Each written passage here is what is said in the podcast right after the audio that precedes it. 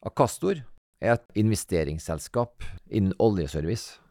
Etter utskillelsen fra Aker Solutions for ni år siden har Akastor omstrukturert og utvikla selskapene i porteføljen. I noen tilfeller fått inn strategiske partnere og solgt unna virksomheter. Nesten alle over bokført verdi. Nå venter vi på børsnoteringa av HMH. Kanskje kommer den allerede neste år. Mitt navn er Runar Mæland. Det her er Arctic-podden. Akastor ble etablert i 2014, da man delte Aker Solutions i to. Aker Solutions ble Subsea ingeniørtjenester, mens Akastor ble de resterende virksomhetene og et ikke ubetydelig beløp i gjeld. Oljeindustrien så den gang rett ned i avgrunnen da oljeprisene falt kraftig på høsten. I dag, ni år etter, kan vi se tilbake på en imponerende krisehåndtering, hvor kostnader er kutta, eiendeler er solgt og industrielle partnere brakt inn i virksomhetene. Den store gjelda, 6 milliarder, er redusert til 500 millioner. På kurs 11 er markedsverdien 3 milliarder. Selskapet ledes av Karl Erik Kjelstad, sivilingeniøren som har en 25 år lang karriere bak seg i Aker-systemet, og som har vært i Akastor siden 2014. Velkommen, Karl Erik. Takk for innbydelsen. Så jeg har også tatt med analytikeren vår, som dekker selskapet. Sebastian, du har vært der mange ganger før. Ja. Hei, hei. Velkommen til deg også. Du, Karl Erik, jeg hadde jo Lars Peder Solstad her i forrige uke. Jeg starta med å stille han et spørsmål som jeg syns er relevant og veldig interessant. fordi at uh, da Castor ble starta, eller ble spunnet ut, eller ble delt Aker Solutions, så var det rett før en voldsom nedtur. Det var 2014. Mm. Og da satt dere med en, mange selskap, mye gjeld. Og det har vært håndtert da, på en etter min mening utmerket måte. Fortell oss hvordan du opplevde de ni årene som det nå er blitt? Nei, Det er jo helt riktig du sier. altså Bare spole tilbake historien, så var jo det som skjedde, var jo at uh, vi ønsket at Aker Solution skulle bli mer lik Pairs, som det heter. Så de tok med seg det som var i gamle Aker Solution, nemlig Subsea Engineering og MMO. Uh, eh, og alt de, det de ikke ville ha, holdt jeg på å si, ja. uh, det ble lagt inn i Akastor. Uh, også med rundt 6 milliarder i gjeld. Ja. Jeg bare sa, Den tida der så onde tunger aksjemarkedet mm. sa at der var søppelkassa til Røkke. Det har i hvert fall vist seg å bli en uh, veldig uh, bra uh, kasse, for å bruke det ordet. så, og jeg tror jo det at i ettertid så var det en veldig riktig ting å gjøre, fordi at det, det har gitt et klart fokus på den delen av, av virksomheten som var i gamle Aker Solution.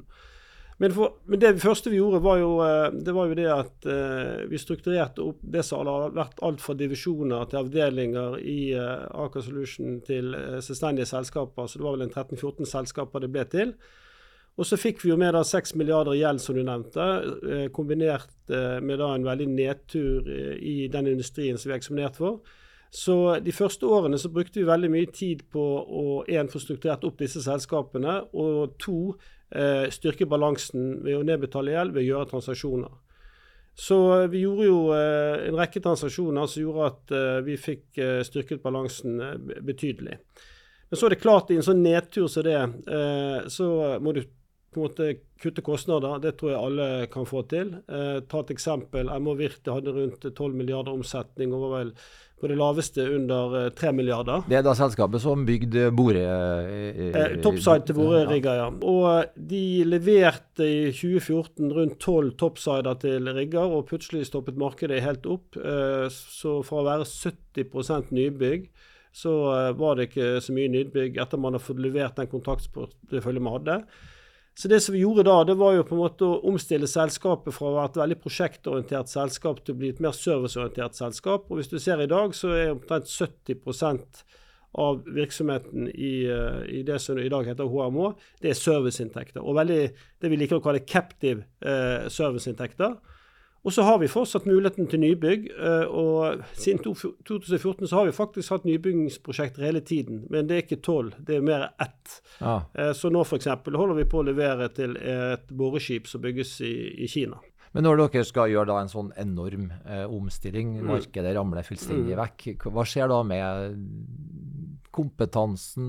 Uh, hva gjør dere egentlig for å beholde det og på en måte fortsatt være et uh, virilt selskap, som dere er i dag? Da? Men uh, hva, hva, hva, er liksom hemmeligheten bak der? da? Nei, altså si Hovedbjelken i det er jo faktisk samarbeidet med de ansatte. og Vi er jo en del av Aker-familien, og i Aker-familien så har vi alltid hatt et veldig åpent og godt samarbeid med de tillitsvalgte. Så sammen med de tillitsvalgte og ledelsen i de ulike selskapene våre, så fikk vi på plass et kostnadsreduksjon og eh, nedbemanning som var helt nødvendig. Eh, men samtidig så må du også på en måte satse på fremtiden. Eh, så det vi bestemte oss for når det gjaldt det som i dag heter HMH, var å satse veldig sterkt på å utvikle en digital plattform i selskapet. Mm. Altså Du må tørre å tro på fremtiden. Og Det har vist seg å være eh, veldig, en, en, bra strategi. Vi har jo vel, lykkes veldig bra med de digitale produktene som HMH har utviklet og, og leverer i markedet i dag. Og så tror jeg det er veldig viktig i en sånn situasjon å være åpen på hva utfordringen er, og samtidig også kommunisere at dette her er noe vi skal komme oss igjennom. Eh, verden, altså Hittil i verdenshistorien, til tross for kriger, pandemier osv., så, videre, så har jo solen stått opp neste dag, og verden fortsetter. Og Sånn er det også i oljeservicebransjen. Og, og Det opplever vi nå også. at Det er et helt annet, det er bedre å være i oljeservice nå eh, enn det var i 2015 og osv det er egentlig på en måte Du må ha troen på fremtiden, men samtidig være realistisk og litt paronid på å gjøre de tiltakene som gjør at du kan komme deg gjennom eh, en nedtur på en fornuftig måte. Ja, altså Kritikerne har i hvert fall gjort det skammen, helt sikkert. Eh, men du, la oss nå gå da inn på HMH, som du har da nevnt. Det og det er et selskap som har bytta navn. Det var jo, det jo MH Virt. Eh, mm. Men så fusjonerte dere, slo dere sammen selskapet med en del av Baker Hughes, mm. altså det store amerikanske oljeserviceselskapet. Eh, og du sier det går bedre. I andre kvartal så var det et salg der på ca. 190 millioner dollar og en EBTA på 34. Og ordreinngangen var opp 30 eh, fra et år siden, så vidt jeg husker. Mm. Ja, altså du kan si eh, eh Vi gjorde den eh, sammenslåingen med Baker Hughes sin Subsea Drilling-divisjon. Det gjorde vi i, i 2019. Eh, det var jo eh, en, en, en, transaksjon som Det er ikke 2019, nei, for to år siden, unnskyld. Eh, som gjorde midt oppi i, covid og sånn, så det tok litt tid. Eh, men bakgrunnen strategisk var jo det at HMH, eh, MH Virti, har jo da toppsiden.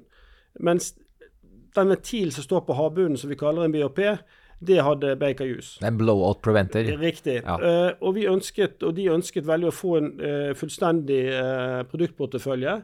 Uh, og det fikk vi på plass uh, med å gjøre den uh, transaksjonen. og da på en måte en fullverdig konkurrent til den andre sterke aktøren i dette markedet, som er NOV. Ja, For det er egentlig et marked hvor det er to dominerende aktører? Det er det. og NOV de er på en måte vesentlig større enn en HMH. men vi har en, en vesentlig posisjon i det, i det, i det markedet. Og så eh, er det jo slik at uh, vi hadde egentlig veldig god fart før covid kom, med økt aktivitet som hele oljeservicesektoren så. Så ble det en hump i veien under covid. og nå opplever vi det at markedet er mye mer sterkt enn det var tidligere. Drevet da først og fremst med HMH med at riggeierne de har lengre horisont på kontraktene. Eh, og de blir da litt mer langsiktige i sin tilnærming. Og kombinert med at man har hatt veldig sterk disiplin på investeringer og Capex lenge, så er det et lite etterheng der. Og flere enheter kommer i arbeid. Eh, så for eksempel, ta, illustrere det at I dag så er vel omtrent 90 av alle dypvannsrigger i arbeid. Snittlengden durasjon, dette kan Sebastian mer enn meg, er ca. halvannet år. Ja. Og Det gjør at disse riggeierne de blir, eh, de blir, litt mer optimistiske, og de blir litt mer opptatt av å på en måte ha et inventory som gjør at de eh, kan holde disse best mulig i drift. Og så blir de også litt mer interessert i å investere i nye ting. Eh, F.eks. på BHP-kontrollsystemer så er det kommet veldig mye ny teknologi som er mye mer robust, og som vi på en måte ser en god ordreinngang på nå. Ja. Sebastian, du snakker jo faktisk med alle de her riggselskapene her. Uh, faktisk alle. Ja. hva har du noe å si her? Ja, nei, det er jo som uh, han er inne på, så er det jo veldig etterslep på på vedlikehold. ikke sant? Mange av disse riggselskapene var gjennom en restrukturering under pandemien og brukte så å si ingen penger på vedlikehold. Uh, som et eksempel så hadde jo Sidril hadde rapportert Capex i 2021 på 30 millioner dollar. Uh, og i år så er det ventet at det tallet er nærmere 200, ja, rundt 240 millioner dollar. Så nå skal de på en måte ta igjen uh, en del vedlikehold som de ikke gjorde um, i de årene der. Og det er noe som HMH nyter, nyter godt ja. av. Men når dere kommer da om bord i de riggene som Eller moreskipene som har ligget stekka i Asia, og nå skal de reaktiveres og settes på det siste Hvordan ser det ut da? Hvordan det, jo, det er veldig forskjellig. Noen av riggerne har vært veldig uh, flinke med det som man kan kalle smart stacking. Så der er måte er det en god del ting man må gå over utstyret, sjekke at det virker, gjøre litt oppgraderinger. Og så er det jo en del, hvis du ser f.eks. på det rundt 30 enheter nå som fortsatt er cold stack. Jeg er ganske sikker på at rundt halvparten av de aldri kommer i arbeid. Eh, men med den eh, tilleggskommentaren at eh, vi har jo sett cold stack rigger vi har vært sikre på ikke skulle komme tilbake, som har kommet tilbake. I Brasil bl.a. Og da er det veldig mye mer å gjøre. Altså PLS-er står, all hydraulikk står. altså Da er det liksom en er det ikke sånn TV-serie som heter Full makeover eller noe sånt? Ja. Så det varierer veldig. Men du kan si hvis det, det koster mellom 100 til 150 dollar å ta en sånn uh, rigg ut i arbeid igjen, så er vel vår del av det rundt sånn 10 eh, pluss minus, litt avhengig av hvor mye utstyr vi har på. Akkurat, ja. Men det mest interessante for oss er egentlig ikke denne oppgraderingen, men det er jo det at den enheten kommer tilbake i arbeid. Og litt avhengig av hvor mye utstyr den har, så genererer det fra på en måte, litt avhengig riggtype, fra 2-3 dollar i år i serviceinntekt opp til en, uh, opp på nordsiden av 12 dollar i serviceinntekt. Men det er sånn at hvis det står boreutstyr fra dere på riggen, da er det dere som får jobben? Og hvis det står noe fra National Oil, så er det de som får den? Er det sånn det fungerer? Normalt dere... sett er det det. Det er jo et begrep i markedet med, med, i markedet med såkalt grey shark som går inn og skrur på ting. Problemet med det er jo at uh, du vet ikke helt hva du får, uh, og du mister veldig mye trygghet rundt service og oppfølging garantier og den type ting. Så, så vi opplever at det er ikke noe stort, uh, stor utfordring for oss. Det som er utfordring for oss, er på en måte å ha kapasitet til å, å, ta det markedet som kommer nå. Så på ene siden har det låst inn kunden. På andre sida så er det jo vekstutfordringer også, hvis det er sånn. Ja, det kan du si. Du kan si sånn som Både for oss og NRV, så er på en måte den installerte basen på en måte, er jo på en måte litt sånn taket på serviceinntektene. Hvis du da ikke kommer med nye produkter. Og Det er jo det vi jobber med. Eh, vi har blant annet, eh, vi kjøpte et selskap her i fjor som het ESD, som driver og utvikler en elektrisk BOP. Eh, som vi har fått veldig stor interesse på. Dette er jo teknologi med veldig eh, høye barrierer på sikkerhet og sånn, så det er ikke noe du slipper i markedet med en gang. Men der fokuserer vi nå først på å utvikle en såkalt tørr BOP, eh, for å teste ut det. Og så neste steg er en våt del som kan stå på dypvann. Og Det er jo et helt nytt produkt, og det er et produkt som eh, også kan på en måte gå inn og erstatte eksisterende BOP-er. Eh, og som er interessant av flere forhold. Det ene er driftssikkerhet, det andre er vekt, som gjør også at karbonavtrykket blir lavere. Og så har vi andre typer ting, styringssystemer, digitalisering og den type ting som vi utvikler. Så på den plattformen vi har, eh, så er jo det ene å betjene det som er, og så er det å legge på produkter og tjenester som gjør at vi kan eh, vokse på den plattformen vi har. Ja. Hva med nybygg? da? Du sa det var 12-13 i året, falt ned til én. Altså. Ja, nei, på nybyggingsmarkedet så er det jo slik at de, det vi kaller de kommersielle aktørene, altså de store riggeierne, de er veldig disiplinerte. Eh, så det er, ikke, det er ikke veldig mange eh, henvendelser derfra på nybygg. Men så ser vi at det er en del det vi kaller mer nasjonal, drevet av nasjonale strategiske interesser Eh, der er det litt aktivitet. Og vi har jo et sånt prosjekt nå. Vi leverer BHP og topside til et boreskip som bygges i Kina nå. Ja. Så du vil nok se noen sånne prosjekter. Men jeg tror ikke vi kommer opp i tolv nybygg i året, sånn som vi hadde før 2014. Men eh, vi har faktisk stort sett levert utstyr til et nybygg hele den perioden vi har hatt nå hvor det har vært så mørkest, for å si det sånn. For vi er langt unna å kunne regne hjem et nybygg Sebastian? Ja, Enn så lenge så har vi nok det, men vi hører jo at på spesielt jackups så begynner du å nærme deg, for der har du såpass Der har du enda lengre kontrakter, da, og da er det lettere å på en måte regne det hjem. Ja. Mens på drillskip, som også er vesentlig dyrere å bygge, så tror jeg det fortsatt er noen år unna. Men er det ikke sånn at det på flyterne er sterkest? Og hva da med jackup? Det er helt riktig. Eh, vi, vi, eh, I stort sett så har vi en veldig sterk posisjon på flytermarkedet. Vi har også på jackup-markedet. Men det, der eh, har vi en jobb å gjøre med å få et, eh, en sterkere fotfeste i det markedet, og jobber vi eh, veldig med. Eh, og Spesielt i Midtøsten så ser vi jo at det er veldig eh, bra marked. Du så Saudi Aranco, de skal bygge 22 jackup nå. Det blir kanskje to i året fremover. Eh, så det er noe som vi absolutt har på agendaen. å få en tyngre tilstedeværelse i det markedet. Ja. Du lurer på en ting. Priser, altså Inflasjonen tar tak. Er det gjør det lettere for å ta ut litt mer margin, for å si at kunden at prisene stiger, så vi må ha ut litt mer? Det er vanskeligere? Jeg opplever det at inflasjon er på en måte ikke positiv for noen, også for Nei. oss. Eh, For det er jo et tegn på at du har en veldig eh, eh, overheated leverandørkjede. Hvis vi kunne velge, så ville vi sikkert valgt å ikke ha så mye inflasjon som vi har nå, men, men samtidig, når du har det, så må du på en måte tilpasse deg det. Skal vi se en børsnotering av deg i selskapet? Ja, altså Vi har jo sagt at eh, HMH, eh, så er målet vårt å gjøre det selskapet eh, egnet for eh, en børsnotering. Vi har også sagt at tidligste tidspunkt for det er i eh, 2024. Det har litt med hele integrasjonsprosessen etter vi slo sammen oss eh, med Baker.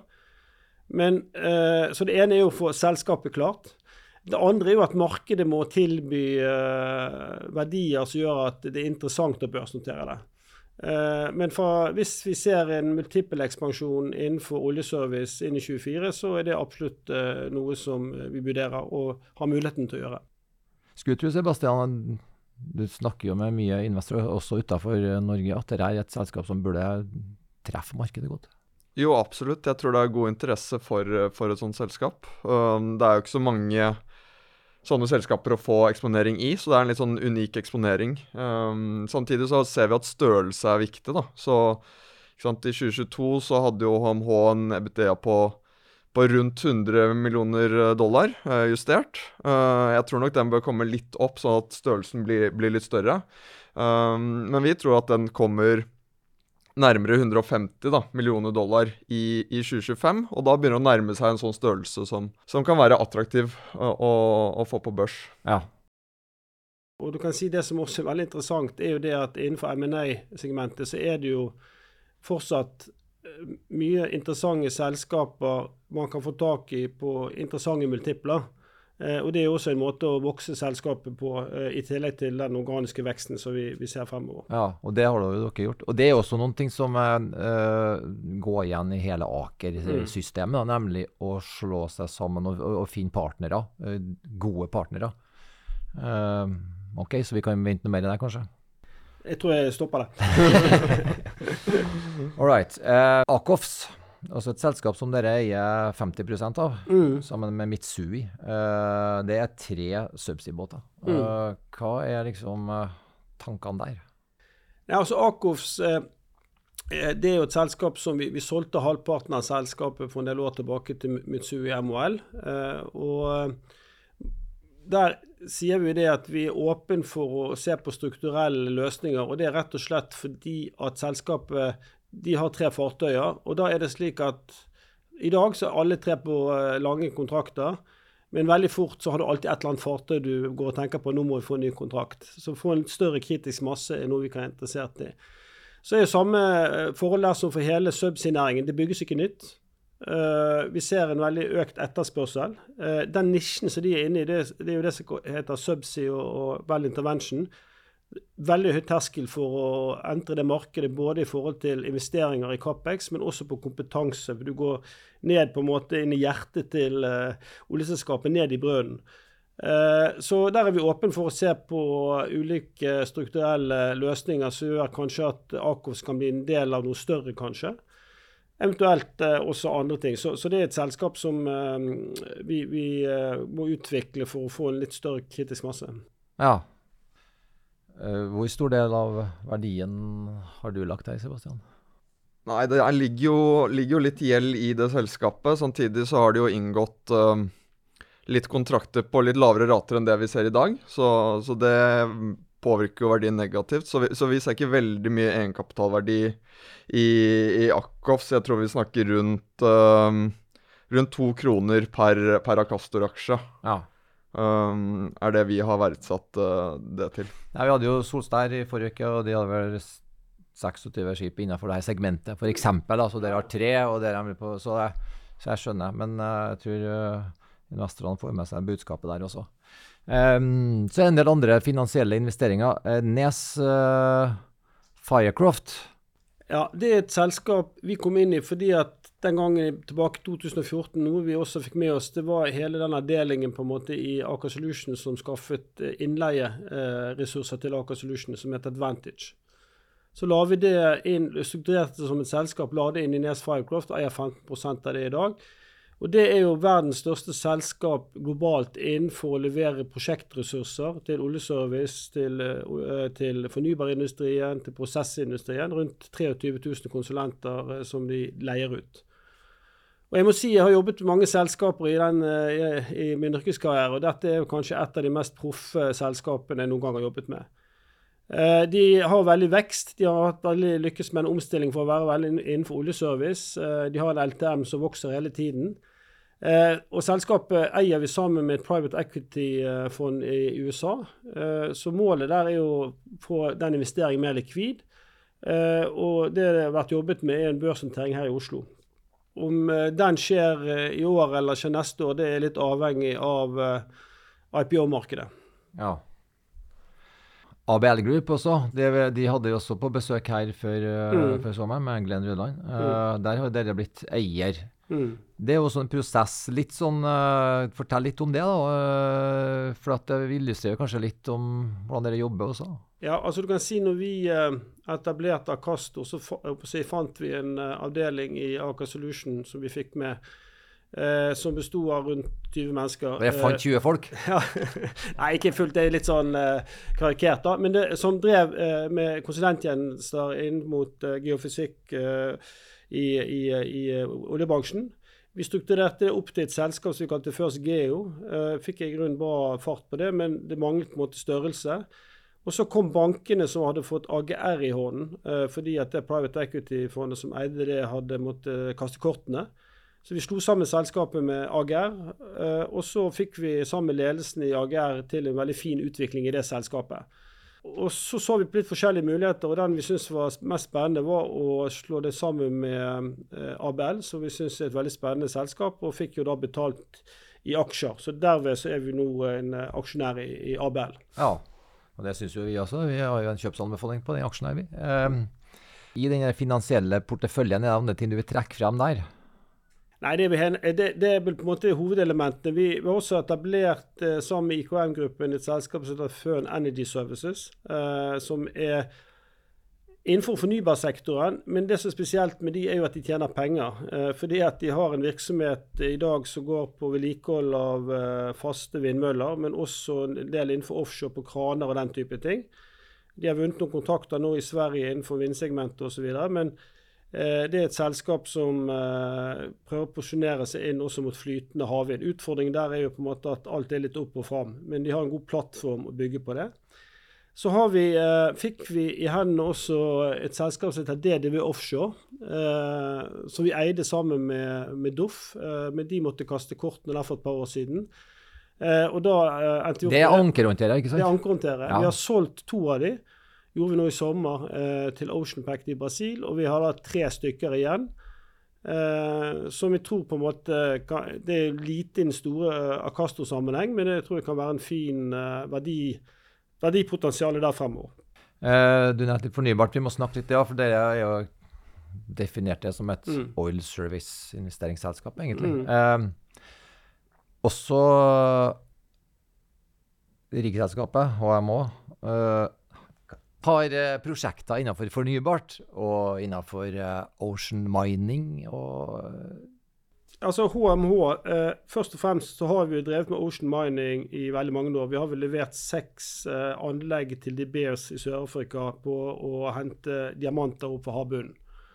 Eh, og så jobber vi jo med også det som nå heter ocean mining, som er veldig vinden, hvor har forskjellige løsninger på det. Eh, det er jo fortsatt på en måte, altså Det politiske rammeverket rundt dette er ikke på plass ennå. Så, så det er jo noe som ligger litt opp, opp og fram. Men det begynner å skje ting? Begynner å skje ting. I Norge ja. Men det er fortsatt et stykke til på en måte du får kontakter på, på oss som er på utstyrsleverandørsiden. Men jeg tror vi vil si at vi er godt posisjonert der. Og så er, har vi det vi kaller en, en eksponering inn mot EV, e altså Electric Vehicles, med at vi leverer jo disse slurrypumpene til, eh, til gruvene som produserer nikkel osv. Eh, og det har vokst veldig de siste årene. Spesielt, eh, Vi har fått noen store kontrakter i Indonesia. og Det som er interessant med disse slurrypumpene, er jo det ene at du selger dem for et par millioner dollar stykket. Men så står de da i 30 år, og det kjøres veldig tøft, Og det er bra captive service-inntekter på det også. Så det er også når vi ser på hvordan vi kan videreutvikle tilbudet vårt der. Og når du ser på en borerigg, så er det en kompleks enhet som står i veldig tøft vær ute i havet. Så det er jo mye av den teknologien som vi har der, som også er appliserbart for innenfor flytende vind. Men det er fortsatt litt opp og fram måte, før det gir konkrete kontrakter. For hele den industrien er jo på en måte eh, Selv om vi leser om det i avisen hver dag, så er det jo ikke noe som skjer akkurat nå. Ja. Dere har en sånn uh, uavklart rettssak, eller en sånn arbitrasjesak, mm. som, hvis det går deres farvei, kan bidra med noen hundre millioner. Er, er det ikke noe sånt? Jo, altså det, det som eh, Forholdet der er at eh, HMO hadde en eh, kontrakt på å levere eh, en rekke boreskip eh, til eh, noe som het CT Brasil i, i, Brasil. Men dette selskapet det på en måte kollapset. De skulle bygge et 20-30 ja, flytere, var ikke sånn? Åtte av de. Eh, og så Vår kontakt var jo da med et verft i Singapore. Eh, og så i forbindelse med avviklingen, termineringen av den kontrakten, så oppsto det en uenighet om eh, hvor mye de skyldte Virt. Og I forbindelse med den transaksjonen som vi gjorde med BKU, så kavet vi ut det. Så status der bare kort fortalt er jo at vi har vært igjennom en voldgift. Alt er på en måte ferdig med den. Det ble ferdig nå før sommeren. Og nå venter vi på eh, eh, dommen av den voldgiften. Eh, så hvor stort det beløpet eh, blir, det vet vi ikke. Og det er jo alltid litt prosessrisk og sånn. Men vi tenker jo det at vi har en, eh, en god sak der, da. Men, Men det, det, kan, det, kan, skje noe i høst? Det er det vi forventer? Ja, jeg vet ikke noe, vi, vet ikke, vi, vi, vet ikke når det skjer, men vi tror på en måte at den dommen kommer i løpet av tredje kvartal, eventuelt fjerde kvartal. Mm. Men det, det, veldig, det, har jo ikke veldig mye gjeld i, i, i Akastor. Eh, ja, hvis den saken går inn, så vil jo det være styrkebalansen ja. vår uh, betydelig. Ja. Så det er alltid spennende med voldgiftssaker. Jeg har uh, vært med på ting som har gått uh, stang inn, og så av og til er det stang ut. Men her føler jeg ganske sikker på at vi skal få, få satt ball i mål. Ja. Men det jeg lurer litt på, hvis man kjøper aksjer i, eller aksjene av Castor mm. Du snakker om gjør MHV, HMH, mm. likvid. Mm. Det vil jo være en stor del av selskapet. Hva ja. skal man forvente? Altså, Er dette Castor om fem år? Altså vi, Vår strategi det er å være et run-off-investeringsselskap. Og Det betyr at uh, vi skal realisere alt vi eier, og dele ut til aksjonærene. Uh, og når vi gjør HMH, børsnoterer HMH, så uh, kan vi selvfølgelig bli sittende og eie det, men vi kan også f.eks. dele ut de aksjene til aksjonærene. Så begge deler er mulig. Uh, og så, når vi har på en måte fått eh, delt ut alle verdiene våre til aksjonærene, om vi da bruker den børsnoterte plattformen til noe annet, det skal ikke utelukke. Men vår strategi er å realisere det vi har, på en mest mulig verdifull måte, og dele det med aksjonærene våre når vi har gjort det.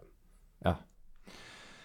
Du, eh, jeg skal ikke spørre deg om aksjekurs, men Sebastian, fortell litt om din analyse. Du har et kursmål på 16 kroner. Ja, stemmer. Hva tenker du?